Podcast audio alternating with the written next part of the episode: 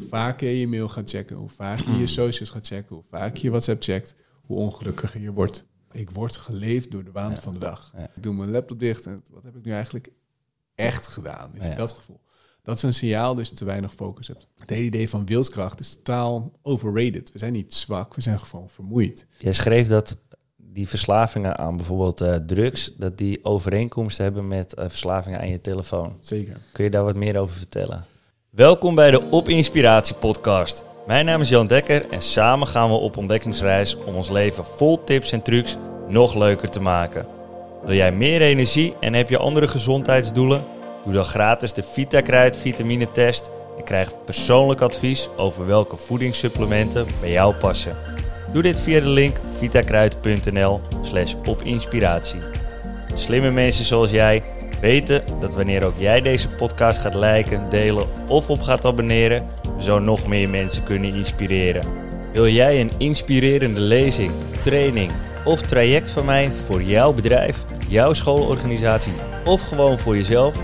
Ga dan naar opinspiratie.nl. Marek, hartstikke bedankt dat je hier bent. Superleuk om er te zijn. Ja, tof. Hey, eh, je hebt een, eh, een heel mooi boek geschreven, Focus eh, aan uit.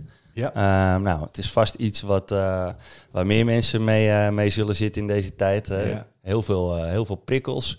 Je schreef zelfs dat eh, sinds de jaren tachtig zijn ze vervijfvoudigd. Klopt. De prikkels die we op ons afkrijgen. Ja. Hoe kunnen we daar nou het, eh, het beste mee omgaan? Ja, dit is inderdaad een super interessante vraag. Want dit is, we leven in een prikkeld waar een overdaad, of een wereld waar een overdaad is aan prikkels. En dat heeft, is heel leuk. Ah, Heel veel podcasts, superleuk. Waaronder Ja. deze, superleuk. Eh en ook heel veel muziek en af heel leuke prikkels, social media, nieuws. We hebben alles letterlijk in ons broekzak ter beschikking. Heel erg leuk. Maar aan dat leuk, die leuke prikkels zit wel een prijskaartje. Het is gewoon overweldigend voor ons hoofd. Voor ons hoofd zit er geen verschil tussen Excel of Instagram. Het ene is misschien leuker dan het ander, Ja. maar het beide kost rekenkracht om te verwerken, letterlijk voor je hoofd. En dat is heel erg vermoeiend. Dus de vraag is of we al die leuke prikkels we allemaal tot ons moeten, zouden moeten willen nemen. Ja, Dat is een, dat is een ja. vraag. dat is een hele goede vraag. Ik heb, eh, nou ja, dit boek heb je ongeveer een week of drie eh, terug opgestuurd. En toen eh, heb ik gelijk de tip meegenomen om mijn notificaties uit te zetten van WhatsApp. En dat betekent niet de groepsapps, die heb ik al uit, Ja. standaard. Maar ook gewoon de, alle persoonlijke apps. En ik moet zeggen, drie weken, eh, nou, het brengt me meer rust. Ja, toch. En dat is een, de, de notificatie is een heel mooi begin. En dat hangt heel erg af per persoon of dat voor jou kan en van toepassing is. Werk je in sales, is dat misschien een ander verhaal dan wanneer je een Ja. onderzoeker bent. Dus dat is, Logisch. werk je voor jezelf, is dat anders dan wanneer... Dus dat zijn allemaal wel... Het is allemaal heel, focus is heel erg persoonlijk. Maar er zijn wel een aantal wetmatigheden die voor iedereen werken.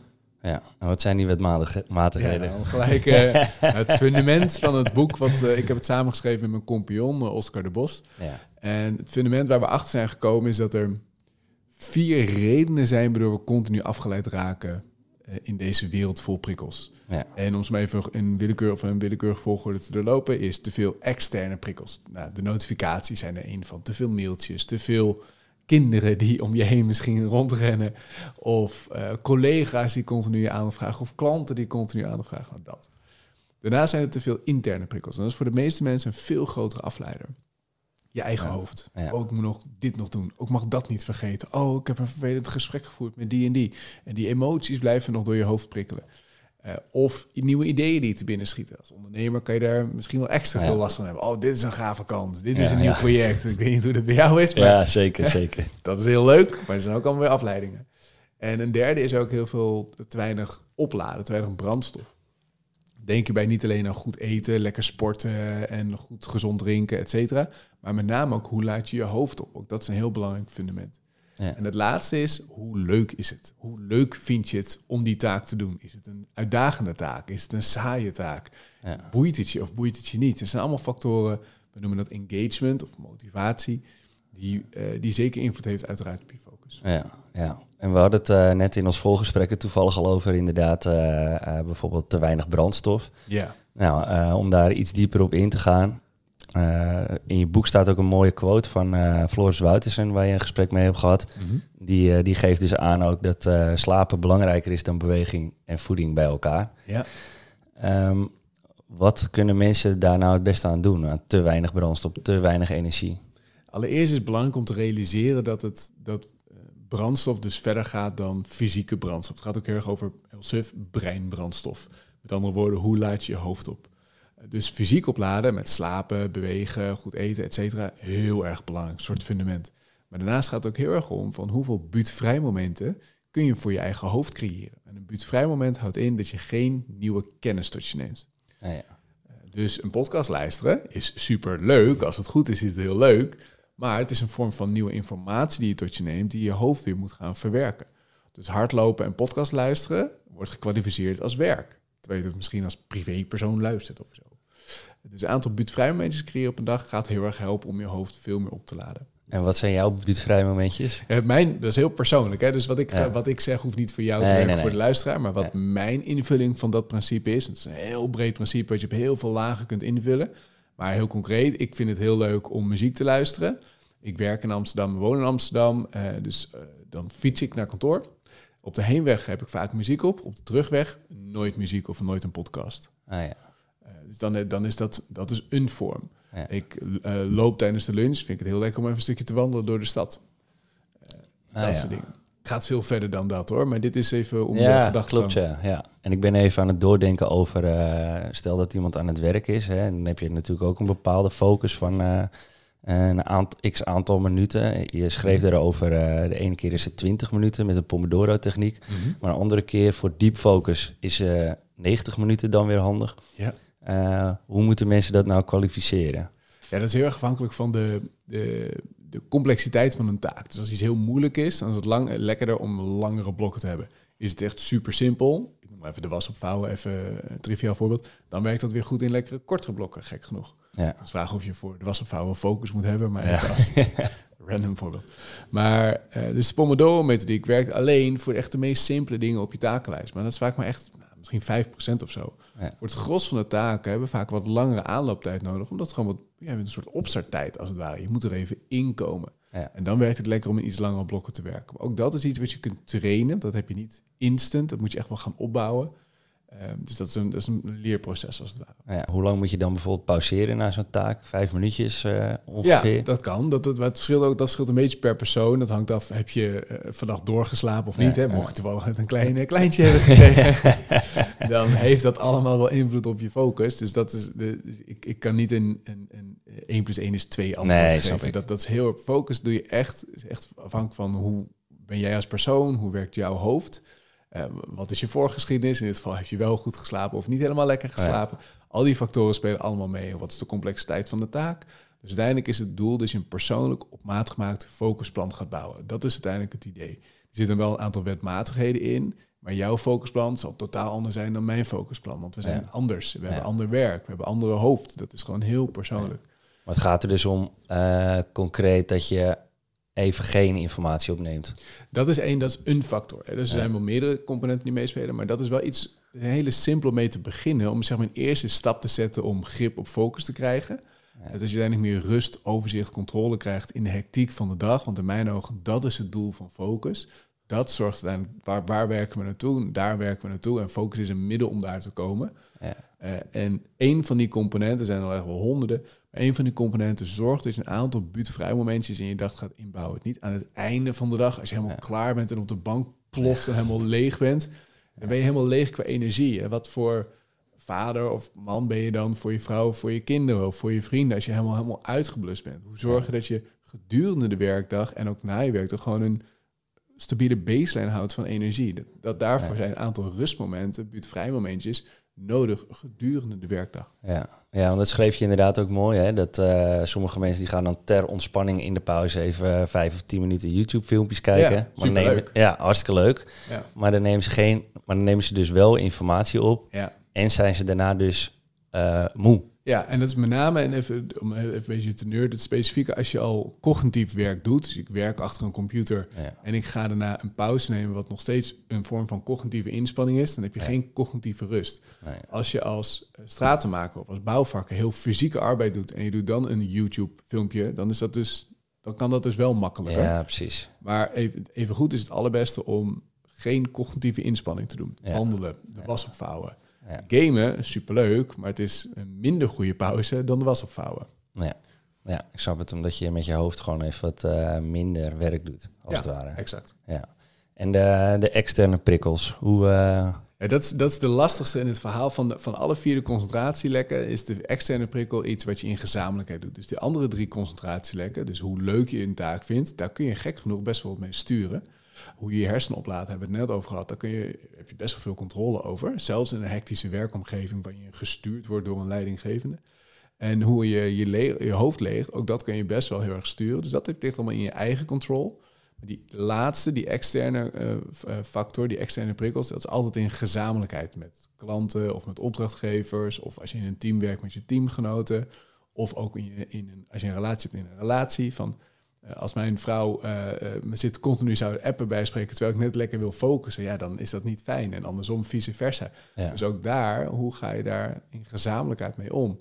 Uiteindelijk is dat stukje, focus doe je ook heel erg met elkaar. ja, Als jij met je focusvlaggetje op kantoor zou zitten en je collega's gaan je continu onderbreken, ja, dat wordt heel erg irritant voor allebei. ja. ja, je moet echt een cultuur creëren op je werk. Zeker, dat is absoluut het doel. Dus daarom geven we ook heel veel de trainingen die we geven. Want het boek wat we hebben geschreven is leuk, maar we zijn een trainingsbedrijf en we geven hier heel veel training in. Dat doen we eigenlijk altijd in teamverband. Ja. Van welke afspraken maak je met elkaar en hoe kun je jouw focusblokken synchroniseren Ja. met die van je team, met Ja. je teamgenoten. Ja, ja mooi. Ik, eh, ik had eh, toevallig vorige week een, eh, een, gesprek, een marketinggesprek met ja, een oud, oud teamgenoot van me. En die zei, dit boek geeft ze aan, aan elk nieuwe medewerker. Nou, fantastisch. Ja, maar dat is, dat is een beetje het idee, zeg maar. Ja. Dat je dat in een soort gezamenlijke taal gaat spreken met elkaar. Ja, Eh, want als, stel dat ik de hele tijd in mijn focusblok ga zitten. Met mijn, continu de hele dag met mijn koptelefoon. Laat me met rust, ik ben lekker gefocust. Is dat heel lekker voor mij, ja, maar super irritant voor de mensen om me heen. Mark Ja. reageert niet. Mark reageert te laat op berichten. Dat is helemaal niet fijn. nee, En andersom, als ik continu onderbroken word, vind ik dat ook niet fijn. ja, Dus dat daar eh, afspraken over maken. Bijvoorbeeld, eh, de Rabobank geeft heel veel trainingen voor. Die hebben nu gesynchroniseerde focusblokken. Niet elke afdeling, maar heel veel afdelingen hebben dat nu gedaan, waar we de training hebben gegeven. Bij de meeste, ik weet niet of dat allemaal, maar bij de meeste is het op de dinsdag tussen 10 en 12 zijn er geen afspraken, geen Ja. meetings. En je gaat daar elkaar in principe niet storen, tenzij er een spoedje is. Spoedjes Ja. gaan altijd door. ja, Logisch. Als er iets in de brand staat, dat moet gefixt worden. Het is niet muisstil, maar het is wel rustiger. Ja. Dan is het net even, dat is zo'n moment, net in de week, dat je net even de wat lastigere casussen kunt oppakken. ja, De lastige taakjes op je taak. En misschien die hele complexe e-mail die al een week in je inbox zit te hangen. Heb je daar even iets meer de rust voor, de ruimte voor, de diepgang voor, om die op te pakken. ja. En dat is het doel van focus. Ja, want eh, er zijn maar weinig momenten eh, op een dag dat je echt kunt focussen, schreef je ook. Eh, volgens Mhm. mij was er een schrikbarend eh, x aantal uur, volgens mij vijf uur per week, dat je echt kunt focussen. Wat moet je dan met de rest van die tijd doen? Shit. Ja, één, het is dus eh, game over. Houd me op, handdoek in de ring, weg ermee. Nee, het is, het is net, dat getal staat een klein beetje ter discussie met recent onderzoek. Het is misschien ietsjes meer, maar het is nog steeds schrikbarend weinig. Dat is Ja, nog steeds het ja. antwoord.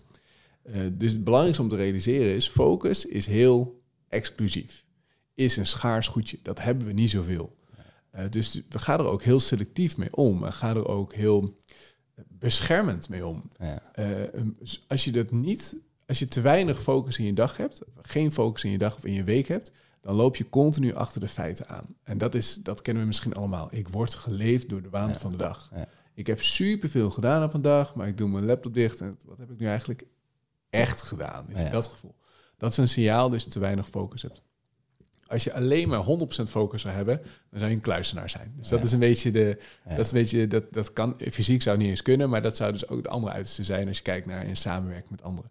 Maar ga er selectief mee om. Van hey, zijn er momenten in de week die zich lenen om je wat meer af te sluiten? Kan dat? Nou, dat verschilt heel erg per persoon. Bij de Rabobank, dus op de dinsdag hebben ze besloten. Andere opdrachtgever heeft op, eh, op de woensdag geen interne, geen er- externe afspraken staan. Dat is hun vorm. Verschilt per persoon wat kan en wat niet kan. Eh, een, een groot consultancy eh, firm heeft besloten om op vrijdag geen e-mail te sturen meer. Oké, E-mailloze vrijdagen. ja, dan ga je wel lekker het weekend in. Ik vond hem vrij gewaagd, maar eh, zij gaan er heel goed op. Het zou voor mij persoonlijk niet werken, maar dat Nee. is heel persoonlijk. Eh, maar dat, is, dat moet je van tevoren gaan kijken als team, als organisatie. Van, als je binnen een organisatie werkt, van hey, wat, wat, wat vinden we fijn? Wat is een ritme die bij ons zou kunnen passen? En dat gaat dus niet vanuit dat je acht uur per dag continu gefocust bent. Dat, dat kan helemaal niet, want dat betekent dat je acht uur per dag zou moeten afsluiten. Dat is helemaal niet leuk. Maar is er een moment op de dag of een moment in de week dat je daar een soort routine in kan bouwen? Ja. En bescherm die tijd ook. Als ik, ik ben bijvoorbeeld met mijn vriendin, hè, vind het prima om tussendoor te appen over huishoudelijke taken, over wie doet de boodschappen. en Ja. Maar als ik een diepte inga, geef ik het even aan, hé hey, schat, ik ga even de diepte in. Dan is het even muurtjes dicht. Koptelefoon op. Ik ben er even niet. Ook op kantoor heb ik dan heel vaak mijn out-of-office reply aanstaan, terwijl ik gewoon aan het werk ben. Ja. Ben even belangrijk met een, bezig met een belangrijke taak. Is het echt super urgent, bel me even. Ja. Anders beantwoord ik je mail na 12 uur. Ja, ik heb dat nu dus ook bij, eh, bij WhatsApp gewoon in die eh, beschrijving staan. Eh, notificaties uit, bel me met Ja. spoed. Ja, exact. Ja, En je bekijkt nog steeds je, not je bekijkt nog ja steeds precies. Je hebt gewoon je vaste momenten dat je gewoon even eh, kijkt. Het schrok me wel af, zeg maar, eh, toen ik ging, ging kijken dan op die vaste momenten... hoeveel berichten je dan dus krijgt door- gedurende zo'n dag. Ja. En jezelfde zou je kunnen doen met mail, als het bij je past. Wederom, dat verschilt heel erg per persoon. Ehm, ik heb een, een plugin geïnstalleerd, het adios.ai. Gratis plugin. Die laat mijn mail op gezette tijden binnenkomen. Dus Oké. om 11 uur, om 1 uur en om 4 uur komt mijn mail binnen. Wat een goede tip. Dus ik, al ga ik mijn mailbox checken, Ja, dan krijg je niks. er komt gewoon niks binnen, zeg maar. Ja, dat is een beetje zoals de, dat onderzoek wat je schreef. Eh, dat eh, waren het nou muizen die op zo'n hendel eh, gingen Ja. drukken en bij een variabele beloning. Dus als ze niet weten wanneer ze iets krijgen, blijven ze in één keer drukken. Ja, Maar als ze wel weten wanneer ze wat krijgen, dan drukken ze veel minder. Het is een directe relatie hoeveel externe prikkels je opzoekt en hoe gelukkig je bent. En dat is een negatieve relatie. Ah ja, Hoe vaker je je mail gaat checken, hoe vaker je je socials gaat checken, hoe vaker je WhatsApp checkt, hoe ongelukkiger je wordt. zo. En dat is Ja. lastig, want het is heel leuk Ja. op het moment. Het is leuk om een nieuwe e-mail binnen te krijgen. Ja. Spannend, wat gaat het zijn? Dopamine in je hoofd. Dopamine. Leuk, een nieuw appje. Gaan we wat drinken vanavond? Het zijn allemaal leuke dingen. Ja. Maar dat is wel een negatieve relatie. Dus ik merk het ook aan mezelf, als ik heel erg gestrest ben. Denk ik, oh ja, laat ik bewust dan nog eens extra minder mijn telefoon checken. Ja. Extra minder mijn e-mail checken. En je merkt gewoon, je wordt er rustiger van. Ja, ja, klopt ja. Direct stress verlagen door minder te checken. Ja, ik denk dat veel mensen het eh, wel herkennen als ze bijvoorbeeld eh avondjes zijn wezen stappen of ze zijn moe. Dat ze misschien sneller hun telefoon erbij pakken omdat ze zich niet ellendig willen voelen en vermaak opzoeken. En dat is een super boeiend. Er is een, een, een mooie hypothese gaande, plezier versus geluk.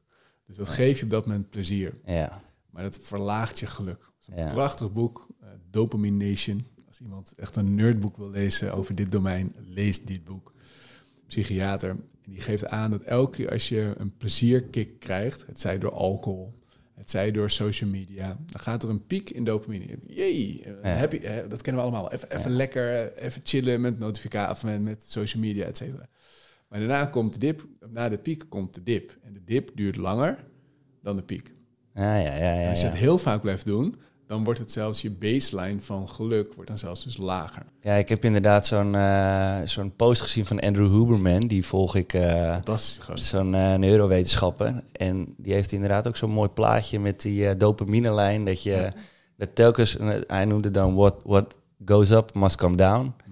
Eh, dat inderdaad, eh, als je een piek hebt, dan ga je keihard naar beneden. Ja. Maar het werkt ook weer vice versa. En dat is zo tof. ja, dit dus als jij naar de gym gaat en je levert Exact. vette inspanning, Exact. dan gaat hij daarna juist weer eh, sky high. En die sky high duurt dan langer dan de inspanning duurde. Ja. Dus dat is super cool. Die wipwap, want hij moet altijd, hè, what goes, moet altijd de andere kant op gaan. Ja. Maar dat, die andere kant op gaan duurt altijd langer. Ja. Dus als jij een harde inspanning levert, er is een hele mooie, volgens mij is het een Japanse filosofie. Als ik het, ik weet niet hoe ik het goed uitspreek, M- Ngozi, die zeggen, eigenlijk dit oude wijsheid, doe één keer per jaar iets super moeilijks, waar je de rest van het jaar profijt van hebt of, of Ah, ja. doorleeft. Bijvoorbeeld naar een klooster gaan of zo. Of naar een klooster gaan. Of Ja. eh, eh, super veel mensen hebben nu ook steeds meer een jaarproject van een spannende grote in waar ze echt lang naartoe werken, harde inspanning leveren, dan een piek inspanning leveren, om daar de rest van het jaar op te teren, als het ware. Ja. Ik vind dat fucking fascinerend. Ja. ja, dat is zeker fascinerend. Ik wil nog even dieper ingaan op het stukje interne prikkels. Hè? Want eh, nou ja, iedereen herkent het wel dat eh, gedachten zomaar in je, in je hoofd verschijnen. En eh, zoals ik net al tegen je zei voor dit, voor dit gesprek, eh, eh, ga ik het daar met Jan Geurtsen binnenkort eh, weer dieper op in. Heel mooi. Ja, ja. gast. Eh, nou, die er daar natuurlijk helemaal een specialist in. eh, Mhm. eh, hoe kan jij het, eh, het praktisch maken dat we wat beter eh, met die interne prikkels omgaan en wat meer rust in ons hoofd kunnen inbouwen? Er zijn heel veel facetten. Ook, elk concentratielek, het zijn heel simpel, hè, de, de vier lekken. Maar er zit dus heel veel diepgang achter elk lek. Dus dit is de, de, de quick fix, als het ware. Ja, Maar, en het is allemaal heel persoonlijk. Ehm, maar David Allen, misschien voor jou eh, denk ik bekend, Ja. hè? Getting Things On. Die woont in Amsterdam eh, overigens. Hij serieus? is officieel zelfs Nederlander geworden. Oké. Qua, eh, hoe zeg je dat? Een nationaliteit. Ehm, die heeft ooit een keer een prachtige zin bedacht in de jaren tachtig. Your mind is for having ideas, not holding them. Ja, En we zijn ja. heel erg geneigd om dingen in ons hoofd te doen. Afspraken, natuurlijk heb je een agenda. Maar de belangrijkste afspraken, die weet je wel. Ja, klopt. natuurlijk heb je een takenlijst. Maar je belangrijkste taken voor vandaag en deze week, die heb je paraat. En hoe slimmer je bent, hoe meer je geneigd bent om dingen dat in je hoofd te houden. Alleen het enige nadeel is als je dingen in je hoofd houdt, je kunt niet controleren wanneer die taken, ideeën naar boven komen. Ja, klopt, ja. ja daarom heb ik ook eh, echt meldingen voor, eh, voor zaken. Omdat je Ja. gewoon niet weet wanneer popt de top in je eigen hoofd. Die blijft, dat, dat, dat, dat pop, dat werkt vaak op de meest onhandige momenten. Als je Ja. in bed ligt, je wilt gaan Klopt, slapen, Ja, of je staat in de supermarkt en denkt, oh ja, shit, ik had eigenlijk. ja. Dus het hele idee van interne prikkels is zoveel mogelijk, sorry, zo min mogelijk in je hoofd houden, zoveel mogelijk uit je hoofd halen. ja. Dat is het idee. En dat kan zo simpel zijn als pen en papier. Digitaal of papier maakt in dit geval geen fluit uit. Maar zo min mogelijk in je hoofd houden is absoluut direct gerelateerd aan hoe gelukkig je bent en hoeveel stress je ervaart. Hoe ja. meer in je hoofd, hoe meer stress. Hoe meer in je hoofd, uiteindelijk hoe minder gelukkig je bent. Ja, het is zelfs eh, met, je, met je huis opruimen, eh, had je geschreven, of met een rommelig bureau. Ja, Dat klopt. Je, dat je productiever bent en beter focust als je bureau leeg is. Ja, dat is- klopt. 12% productiever. Ja, of eh, dat je... En ik vond het ook wel logisch dat als je in je huis eh, bepaalde zaken hebt die nog gedaan of opgeruimd moeten worden, eh, dat dat toch onbewust ergens in je hoofd zit. En Ja. dat dat weer energie kost. Ja. En dat, die loopjes, die wil je zoveel mogelijk ja, uit je hoofd clear the deck, als het ware. En dat kan dus fysiek zijn, dus in een fysieke ruimte, maar nog veel meer in je hoofd. Alle dingen die je in je hoofd vasthoudt, die vreet een klein beetje energie. Ja. En David Allen, die is nu, ik denk 75, 76. eh, maar hij ziet er jong uit. Jong van geest, scherp, Ja. et cetera. En goede genen, ongetwijfeld. Maar ook zeker omdat hij gewoon heel weinig in zijn hoofd heeft. Terwijl hij nog steeds de hele wereld overvliegt voor alle lezingen die hij geeft. Ja. Dat vind ik zo tof. Ja, ja hij schreef het ook eh, over eh, werk, werkdruk Mhm. eh, en stress. Het gaat niet om de taak, maar het gaat om hoe je ermee omgaat. Ja. Ja. Twee, twee mensen met hetzelfde hersenprofiel, hetzelfde type werk. De ene kan omvallen van de stress, de andere kan erop floreren. Wat is het verschil?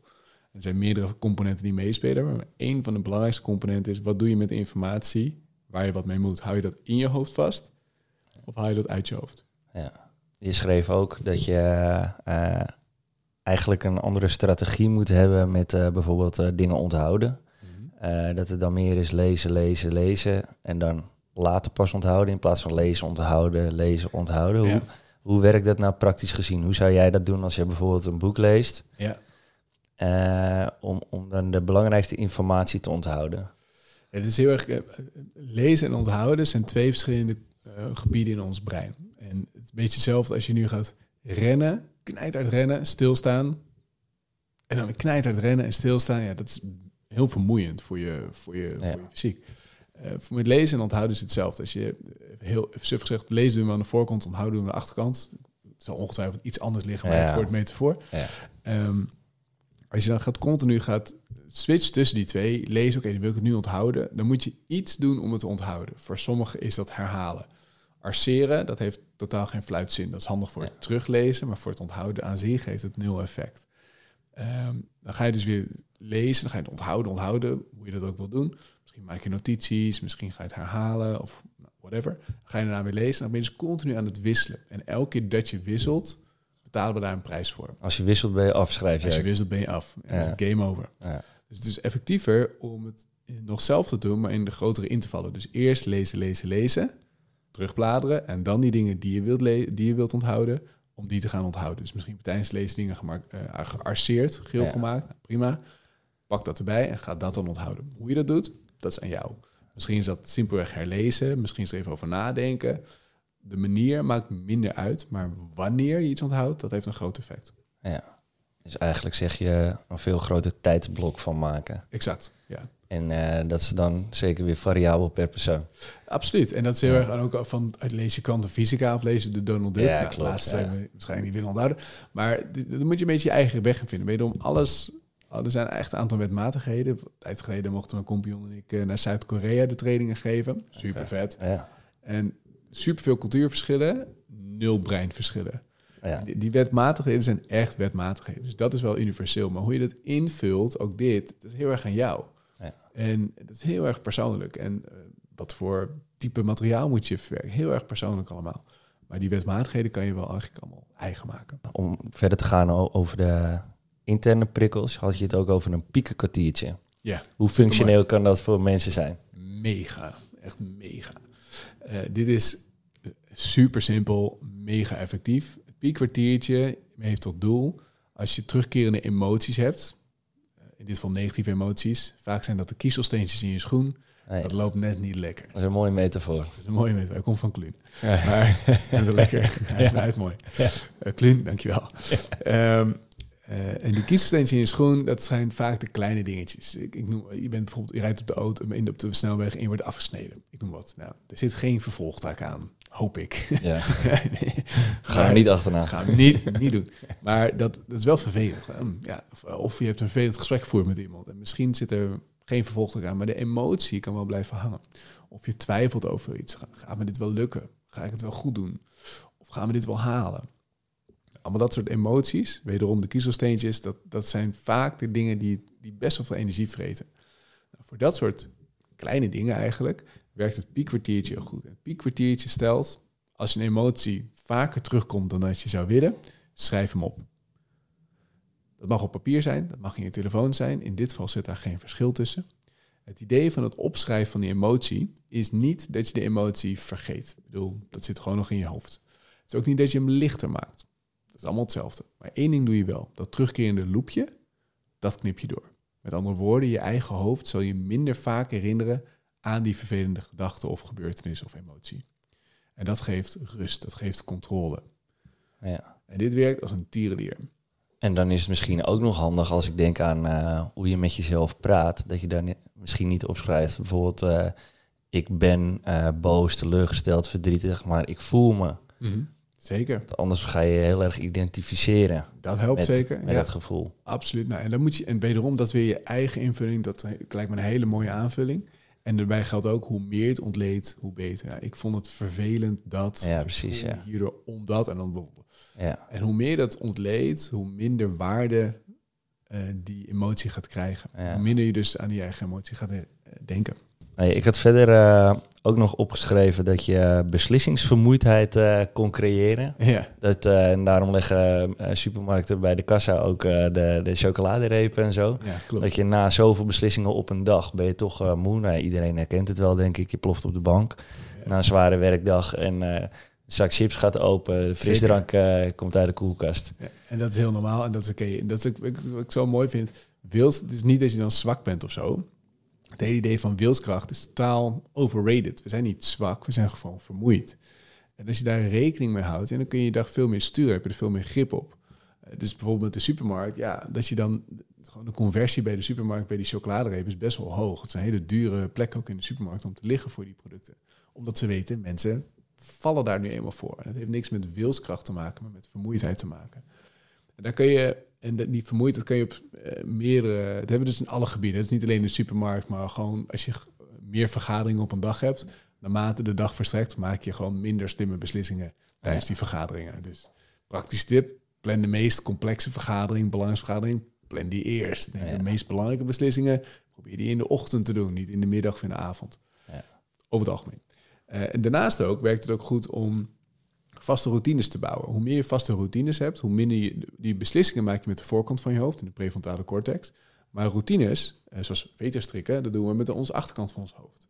En hoe meer je dingen op een routine doet, hoe minder je de voorkant belast. Nou, met veterstrikken is dat een beetje triviaal. Maar bijvoorbeeld zijn heel veel mensen die werken met vaste eh, ontbijten.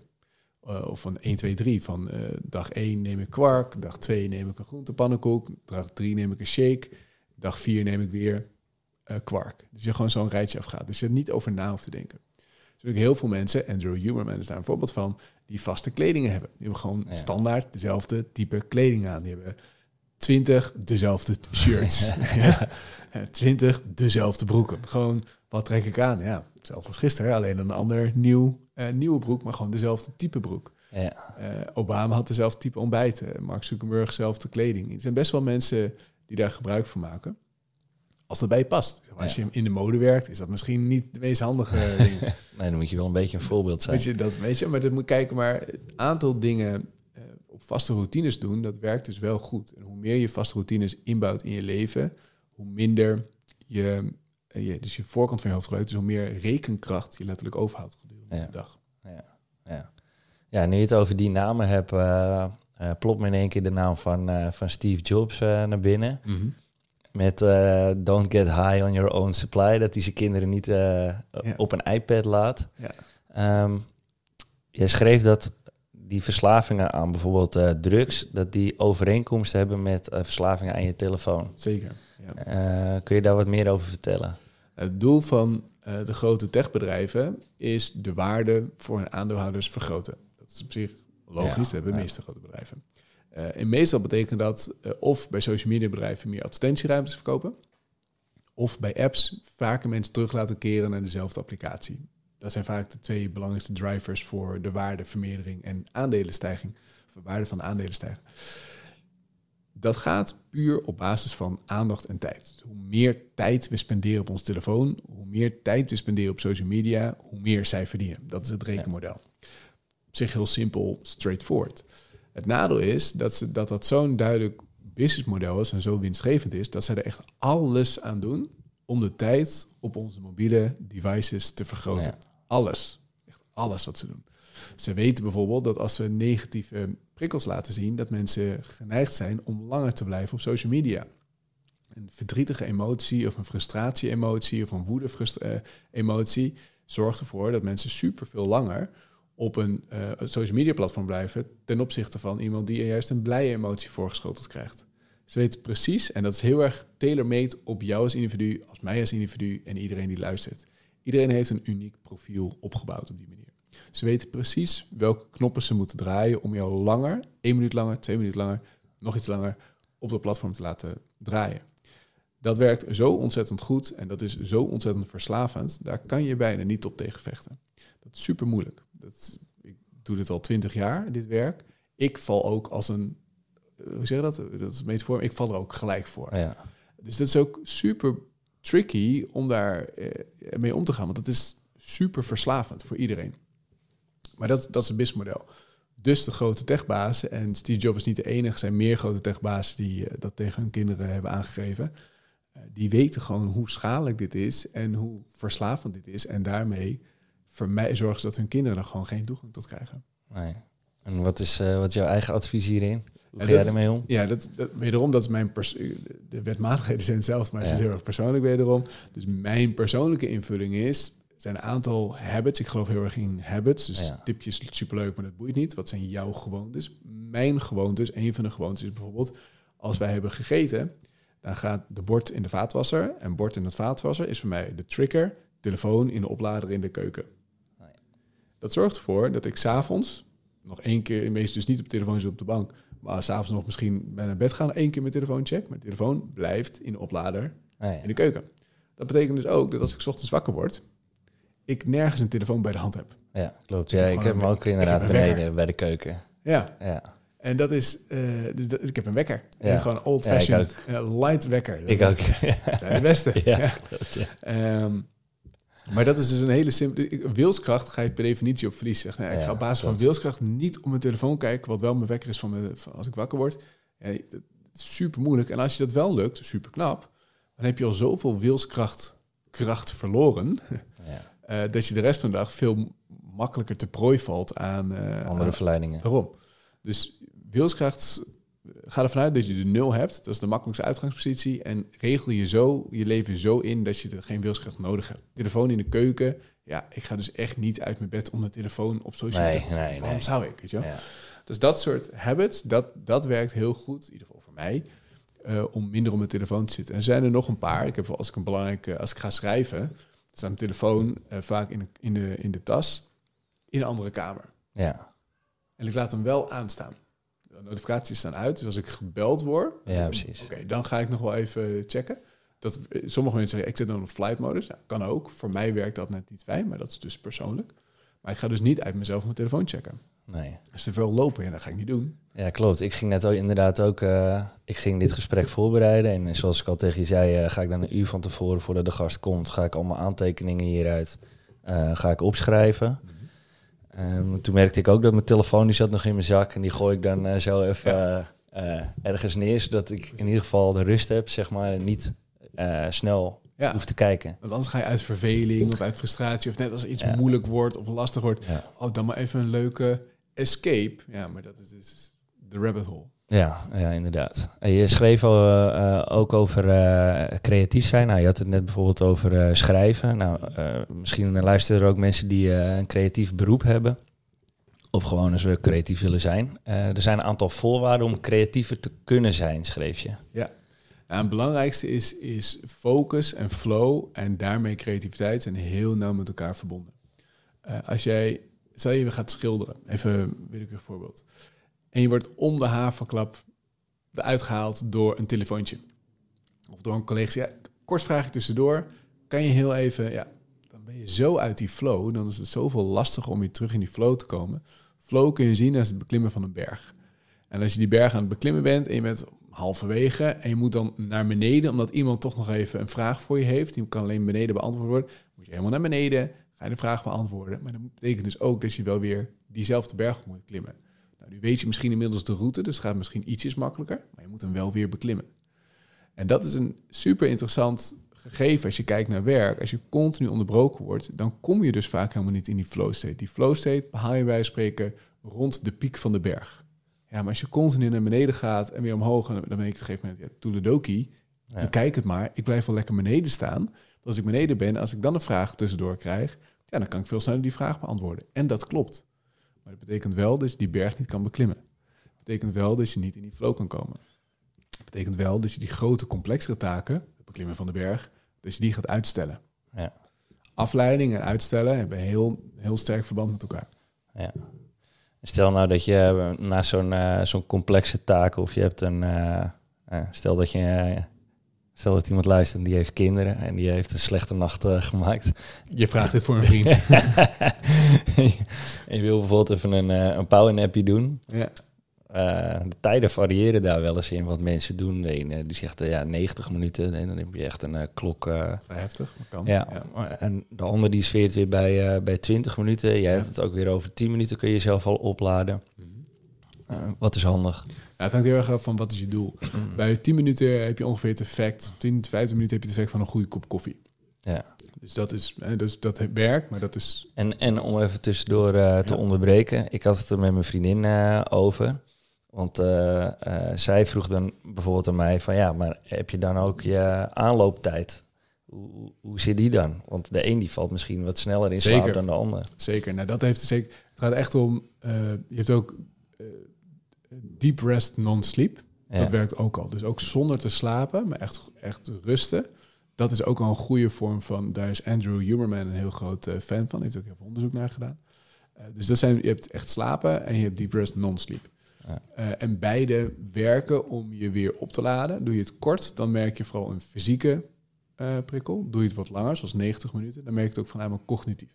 Ja. Dus bijvoorbeeld als ik s'avonds een training moet geven, door tijdzones, het gaat vaak ook eh, online, eh, maar door een tijdzone moet ik eh, laat een training geven. Ja, dan wil ik wel super scherp zijn. Dat betekent dat ik dan vaak smiddags een wat langer, ik vind een 90 minuten vind ik zelf iets te lang, dus voor mij niet, maar ga ik vaak een uurtje slapen. Ja, ja. En dat weet ik, dan, dat, dan weet ik dat ik s'avonds gewoon veel scherper, Scherper ben. ben, ja. Dus stel dat je wil liggen, deep rest, non-sleep Ja. is ook gewoon oké. Zeker. Zeker. Dus het maakt niet zo heel veel uit of je echt in slaap komt. Nee. Oké. Ik wil graag nog even iets uh, dieper ingaan op het stukje uh, het bewuste brein. Want uh, daarin had je ook een mooi getal geschreven dat wat in je bewuste brein verschijnt, maar 0,0003 procent is. Klopt. Um, ja, wat, wat kunnen we daarmee? Ja, het, het heeft helemaal gelijk. Dus per seconde komen er 11 miljoen prikkels je hoofd binnen. Dus nu bij ons, bij de luisteraar, iedereen 11 miljoen prikkels, bam. Ja. Bizar veel. En gelukkig komt dat allemaal onbewust binnen. En zijn we er niet bewust van, is dat wel het geval, dan word je knettergek, ben je niet meer in staat om na te denken of een normaal gesprek te voeren. Dus er is een selectie die plaatsvindt. En die selectie, dat is dus eigenlijk focus, die zorgt ervoor dat alleen, als het goed is, alleen de relevante prikkels binnenkomen bij die persoon. En dat is dus die 0,0003 procent. Ja. Super, van die 11 miljoen zijn dat er 40. Even voor de, voor de 11 miljoen en 40. Um, en dat is dus focus. Als focus goed gaat, dan krijg je de relevante prikkels binnen. Ik vind dat, je kunt een beetje, de metafoor die we gebruiken in het boek is, zie het als je eigen persoonlijke assistent. Dus stel, we zitten nu in jouw kantoor, jouw office, en daar zit een mooie deur, en die deur is dicht, en voor die deur zit jouw eigen persoonlijke assistent. Ah, ja, ja. En er is een rij aan mensen die jouw aandacht willen. En die persoonlijke assistent weet exact waar jij op dit moment mee bezig bent. Die weet precies, hey, die persoon die heeft super relevante informatie voor jou. Kom maar binnen. Nou ja. Die persoon, heel erg leuk, maar nu even niet, Piet. Jij mag even, uh, even aan de zijkant even wachten. Dat is de functie van focus. Dat is dus de persoonlijke assistent. Dat betekent ook dat als je geen focus hebt, dat iedereen er binnen stormt om jouw aandacht te vragen. En je dus van hot naar her gaat als een pingpong, als een extra met je aandacht uh, overal heen schiet en uiteindelijk dus niet zoveel gedaan krijgt op een dag. Ja, ja dat is, uh, kunnen we mooi koppelen aan uh, als je te weinig prikkels binnenkrijgt. Want dat was ook een van de ja. concentratielekken waar je over schreef. Ja. Nou, veel mensen zullen het misschien ook wel herkennen dat als zij uh, een gesprek hebben of ergens naar luisteren en het is net niet interessant genoeg, dan gaan ze bijvoorbeeld doodles tekenen. Ja. Uh, hoe werkt dat nou precies als je te weinig prikkels ervaart? Ja, de hersenen hebben altijd worden 100% uitgedaagd. Het idee dat we maar 10% van onze hersenen gebruiken, totale onzin. Je gebruikt 100% van je hoofd. Maar een taak, zoals luisteren, spreken, schrijven of wat dan ook, nadenken, vraagt vaak maar een klein deel van dat percentage. Dus als je nu iemand aan de telefoon hebt bij spreken die heel traag van stof is. Ja, ik ga altijd lopen. Ja, snap ik. Dat is ook een vorm van doelen als het ware. Je wilt die leegte die dan ontstaat, wil je opvullen. Je hoofd wordt 100% opgevuld. De vraag is met wat. Is dat niet door de taak zelf, in dit geval het telefoongesprek, dan ga je of doedelen of de was opvouwen, of lopen, of whatever. En dat, die vorm van leeg opvullen, dat is het concentratielek, als er dus te weinig prikkeling is, te weinig motivatie is, als iets te saai is, te simpel is of te eentonig is, dan wil je dat dus uitdagender maken. En wat we dus van nature doen, lopen, doedelen, zijn dus allemaal manieren om om te gaan met dit concentratielek. En daar kun je veel meer in sturen, daar kun je veel meer in schaven. Met het effect dat je veel minder last hebt van die uitdaging. Ja, ja. Verder uh, wilde ik ook nog een ander dingetje uh, bespreken. Uh, ja, in Zweden werken ze natuurlijk wat minder dan hier. daarin schreef je ook dat tijd en productiviteit niet lineair met elkaar verbonden zijn. Helaas. Ja, ja. ja. of niet. Ja. Nee, dat is niet overigens niet, niet elke organisatie in Zweden is overgaan, maar best wel wat organisaties zijn in ieder geval het eerste land die ermee zijn begonnen. Uh, van 8 uur werkdagen naar 6 uur uh, werkdagen. Een aantal organisaties waarbij je wel voor 8 uur wordt betaald. Super boeiend. Die trend heeft zich gigantisch doorgezet. En nu is heel erg de trend van in plaats van vijf dagen per week werken, vier dagen per week werken. En dan soms vaak wel voor vijf dagen per week te worden betaald. Niet altijd, hangt van de organisatie af. Ja. maar het hele idee dat ze dus um, acht uur per dag vol gas, vijf dagen per week, 40 uur per week vol gas kunnen vlammen is totale onzin, is achterhaald. Dat is voor een deel waarbij fysieke arbeid, waar het allemaal is ontstaan, fabriekswerk. Ja. Dus daar zit een logica in, daar komt het een beetje vandaan. Maar bij cognitieve arbeid, dan kan dat niet. Het is niet als ik één uur werk en jij werkt twee uur, dat je dan automatisch precies twee keer zoveel hebt gedaan. Dat kan, maar het hoeft ook niet. Het zou kunnen dat je niks hebt gedaan, of maar de helft hebt gedaan, of precies evenveel hebt gedaan. Dat is totaal niet te voorspellen. Dat hangt van heel veel factoren af. Nu weten we zelfs dat als je te lang werkt, dat er zelfs een negatief resultaat ontstaat. Ja, dat schreef je inderdaad met het onderzoek dat als mensen 60 uur gingen werken, dan waren ze op de eerste dag op maandag uh, lagen ze dan voor op hun werk. Maar over de algehele week hadden ze volgens mij 30% minder Exact. gedaan. eh, Hoe bizar. En dus hoe bizar. Dat als je langer werkt, dus je minder gedaan krijgt. Maar de logica is, cognitief kan je vrij snel moe worden. En als je moe bent, dan werkt die cognitie niet zo goed. Fysiek, als je moe bent, kan je daar relatief eenvoudig van herstellen. Het gaat vrij snel, maar cognitief duurt het wat langer. Eh, maar Als je dan wel doorgaat, je gaat dus vermoeid cognitieve taken doen, dan scoor je lager in output, in gewoon, je krijgt gewoon minder gedaan. Je wordt gewoon trager, maar je gaat ook meer fouten maken. ja, ik vond het wel een eh, fascinerend onderzoek. eh. Ja, en dat is ook heel erg de vraag van hoe werkt dat dan bij jou? Of voor jou, hè? van hoe, hoe ga je ermee om? En want het is heel erg een, een- ik weet niet hoe het bij jou is, maar bij mij heel erg een neiging. Ja, maar ik wil uren maken. Ja, Ik- precies, Ik, heb ja, een passie, ja. ik heb een drive. En, en dat is super mooi. Maar het is juist die passie die drive die de passie en de drive in de weg gaat zitten. ja, En dat is heel paradoxaal. Ja, ja, ja, ja. En hoe ga jij daar dan mee om met eh, bijvoorbeeld eh, sporten of zo? Doe je dat in de middag wel eens? Of Ja, eh, hoe, doe je mijn- dat precies? Ja, mijn favoriete ritme, dat hangt een beetje af van de situatie, maar mijn favoriete ritme is eh, s ochtends cognitief inspannen. Dus echt gewoon de meest complexe taken. Ik werk liefst, van- mijn, dat is persoonlijk, hè? ik zeg niet dat het voor jou hetzelfde moet zijn. Maar mijn persoonlijke focusroutine is s ochtends de grootste inspanning, van zwaar naar licht. Dus echt de meest complexe nadenktaken, full focus, het liefst geen afspraken. Er zijn Ja. uitzonderingen onder deze onze podcast. Die zijn er wel vaker hoor. Dus ik heb wel vaker of trainingen of afspraken in de ochtend. Maar ik probeer zoveel mogelijk afspraken in de middag te doen. Ja, het gaat om structureel en de uitzonderingen. Tuurlijk, dus het is nooit, Ja. eh, nooit perfect. Nee, en dat is ook helemaal niet erg. Maar Nee. mijn, mijn ritme is over het algemeen... s ochtends de, echt de meest complexe cognitieve En taken. dat is dan van 8 tot 12 of zo, bedoel je? Ja, 9 tot 12, 9 tot 1. Weet je, Ja. dan wel een lunch Ja. tussendoor Ja. natuurlijk. En ook wel pauzes tussendoor. Be- Begrijp dus niet non-stop. eh, Nee, dat. Dat, dat kan niet. Ja. Ehm, eh, maar dat, dat, dat. En dan het liefst is middags eh, sporten. Rond een uur of één. En dan eh, in de middag werken aan de wat lichtere taken. E-mail beantwoorden of E-mail zo, dat, dat soort soort dingen. Exact. Ah ja. Dat is mijn ritme. Ik zeg niet dat het voor jou hetzelfde Nee, moet nee, nee, nee, snap ik. Maar Maar je merkt inderdaad wel dat je eh, rond 12 uur, 1 uur, dat je dan eh, zoiets hebt van, nou, ik wil eigenlijk wel even in beweging komen. Zeker. Dat, eh, hoe meer dat ook afwisselt, hoe beter. En voor anderen werkt bijvoorbeeld ook heel goed. Als je heel veel Zoom-meetings hebt, die heb ik gelukkig niet zoveel. Eh, maar na elke meeting even 10 air squats, een paar push-ups en misschien als je een mooie stang hebt ook een paar eh, pull-ups. Ja, Ehm, dat zorgt ervoor dat je gewoon dat fysieke en dat cognitieve zoveel mogelijk afwisselt. En dat is een hele goede vorm van opladen, maar ook gewoon fysiek ook om gezond te blijven. Want Ja. zitten is niet goed. nee, nee, nee, dat is zeker niet goed. Zitten is het nieuwe roken, ze eerlijk. En een prachtige zin. En eh, wandel je ook nog steeds met je vriendinnen? Ja, zeker. Dat is nu iets, we hebben nu twee kindjes, dus nu is het ietsjes anders. Maar ehm, eh, ja, zeker, waar mogelijk. Eh, we hebben relatief veel date nights met z'n tweeën, dus dan hebben we oppas en dan ehm, gaan we met z'n tweeën op pad.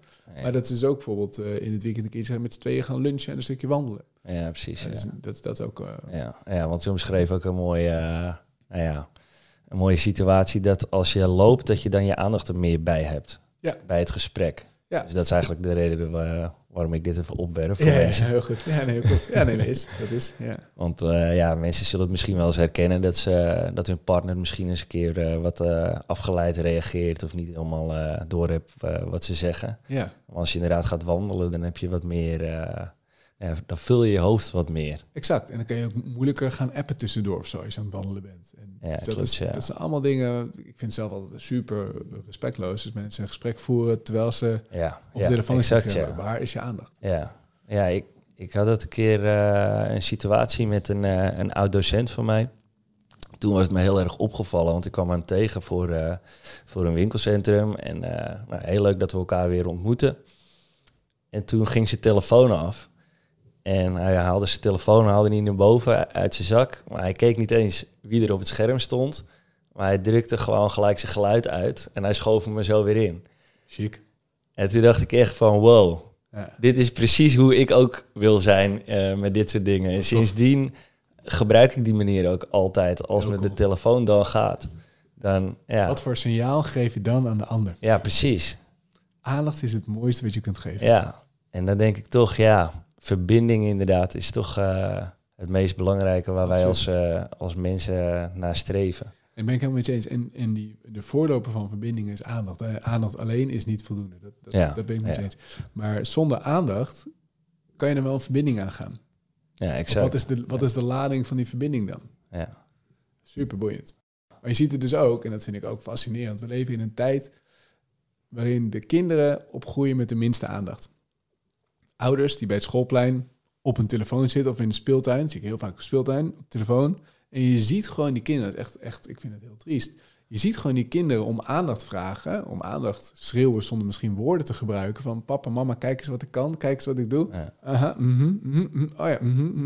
En zitten gewoon fucking op Instagram.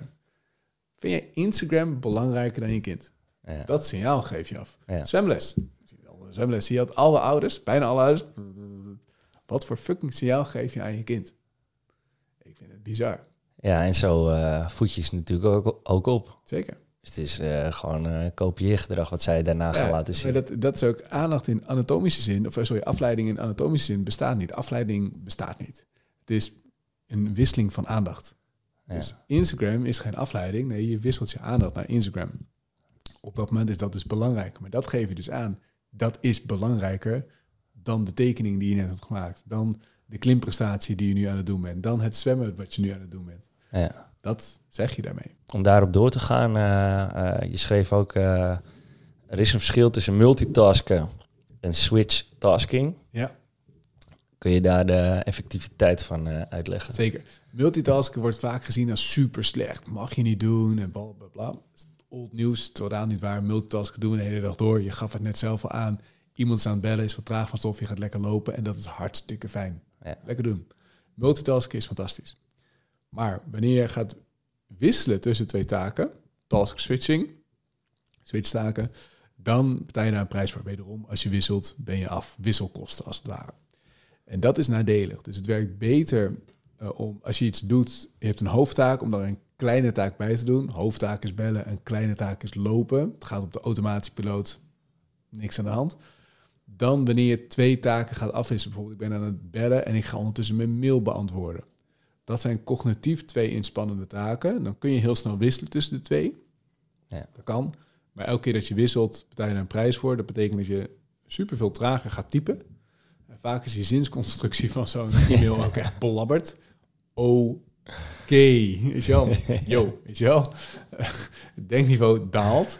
Maar je krijgt ook gaten in het gesprek. En soms is het Ja. prima als het een luchtig gesprek is, prima. Maar je bent over het algemeen sneller klaar. Je kan ook veel sneller dat, dat, dat irritante gesprek of luchtige gesprek misschien sneller afronden. Ja. Door met je aandacht daarna te sturen. Yo, hartstikke goed. En een beetje sturen daarin. Dan, en dan daarna dat e-mailtje, dan ben je sneller klaar dan wanneer je tegelijkertijd probeert te doen. Ik snap de neiging, maar dat continu wisselen. Als je wisselt ben je af. Je betaalt er echt een prijs voor. Ja. En de ander hoort het ook altijd als je iets anders aan het doen bent. Hoe zacht je ook tikt. Waarschijnlijk hoor je dan, heb je het zo gedaan dat je de tik-aanslagen niet hoort. Maar de ander hoort wel, je bent er niet bij met je aandacht. Ja. En zeker eh, als je kinderen hebt of opgroeiende kinderen. Ja, en dat is uitdagend, want die kennen vraagt natuurlijk continu aandacht. En het is best vermoeiend als je continu aan het wisselen bent. Je bent met iets bezig, kinderen vragen aandacht. Dat is, dat is best wel, ja, als ouder, ik vind het soms wel eens lastig. Dus je continu aan het pingpongen bent. Maar het alternatief is, eh, is, is voor mij geen optie. Dus dan op je telefoon gaat zitten de hele tijd. Wat, wat voor signaal geef je dan af? Ja, ja, ja. Hey, eh, een laatste dingetje nog. Je schreef eh, ook als, ik, als ik niet werk, dan voel ik me niet oké. Is dat nog steeds zo? Of? Nee, dat was vroeger heel erg het mantra van ik was heel erg werkverslaafd en gigantisch veel. Ik maakte soms dagen van 12 uur. What the fuck, weet je wel Ja. waarom? Eh, tegenwoordig weet ik dat juist niet werken een belangrijke voorwaarde is om echt grip op focus te krijgen en die vier concentratielekken op orde te krijgen. Eh, dus dat is een. ehm, eh, dus tegenwoordig weet ik dat de neiging om stil te staan of om, om continu door te gaan, is eigenlijk de angst om stil te staan. ja, ja, ja. En als ik nu veel beter weet van hé, hey, als ik stilsta, oftewel niet werk, dat dat juist een kracht is, dat je daardoor uiteindelijk veel meer oplaat en uiteindelijk in die end gewoon veel meer gedaan krijgt. Mijn algehele productiviteit is nu super hoog, omdat ik ook af en toe niet werk. Ja. Dat is dat kwartje op een gegeven moment gaan vallen en dat werkt gewoon veel fijner. Ik ben er een, een leukere vader door en een leukere Ja. man voor voor mijn vrouw dan wanneer ik alleen maar door probeer te rammen. Dat slaat echt nergens op. Nee. Ik denk dat dat een, eh, een hele mooie afsluiter is en een mooie Ja. tip voor, eh, voor iedereen om mee te nemen, om goed op te laden tussendoor. Anders ga je daar gewoon de prijs voor betalen. Absoluut, absoluut. En misschien wel leuk, misschien heb ik ook verteld, we hebben dus een mini-cursus eh, voor als mensen die, eh, die vier concentratielekken, als je dat bij jezelf wil snappen, Eh, Ja. We hebben daar we hebben een mini testshow. Kan je eigen focus test doen. En waar kunnen ze die vinden? Op onze website focusacademy.com. Ja. Als je daar naartoe gaat, kan je gewoon gratis een, krijg je een mini-training van mij en mijn compagnon Oscar. En dan zie je precies ook hoe die concentratielekken werken. Maar met name ook kun je dus een testje doen. Hoe werkt dat bij jou en waar zit jouw grote Oh, ja. Ja. Dat is als je daarmee aan de slag wil, dat is een super simpele, Ja. laagdrempelige stap om uiteindelijk grip op focus te krijgen. ja, en heel interessant denk ik ook om dat bij jezelf eens te peilen. Ja, het- vaak is dat, en ik doe dat zelf ook, want het is heel erg momentafhankelijk. Dus eerst van, hé, hey, nu, ik zit nu in deze periode van mijn leven. Oh ja, nu is dit concentratielek wat meer dominant. Oh, hier moet ik even weer op tweaken. En nu een ander moment in je leven is meer een andere concentratielek meer dominant. Ja. En als je dat weet, dan kun je er veel meer op sturen. En dan krijg je dus veel meer grip. En dan je in plaats van overgeleefd worden aan alle prikkels en alles wat speelt. Ja. En je kunt je dag veel meer sturen. En dat Ja. geeft een fijn gevoel. En een nieuw boek, hoe zit het daarmee? Ja, ik wil een kinderboek gaan schrijven, maar of Oké. iets totaal anders. Maar eh, totaal ander onderwerp. Maar ongetwijfeld gaat er nog eh, wel. Ik denk dat eh, ook Oscar heeft ook plannen voor, voor een nieuw boek. Dus er gaan ongetwijfeld wel nieuwe focusboeken weer verschijnen. Hartstikke leuk. Nou, ik hou het in de gaten. Leuk. Mooi. Hey, eh, hartstikke bedankt voor, eh, voor je gesprek en je mooie inzichten en tips. Tof. Leuk gesprek. Ja, merci. Thanks. Tof dat je mee op inspiratie was. Wil jij een inspirerende lezing, training of traject van mij voor jouw bedrijf, jouw schoolorganisatie of gewoon voor jezelf? Ga dan naar opinspiratie.nl.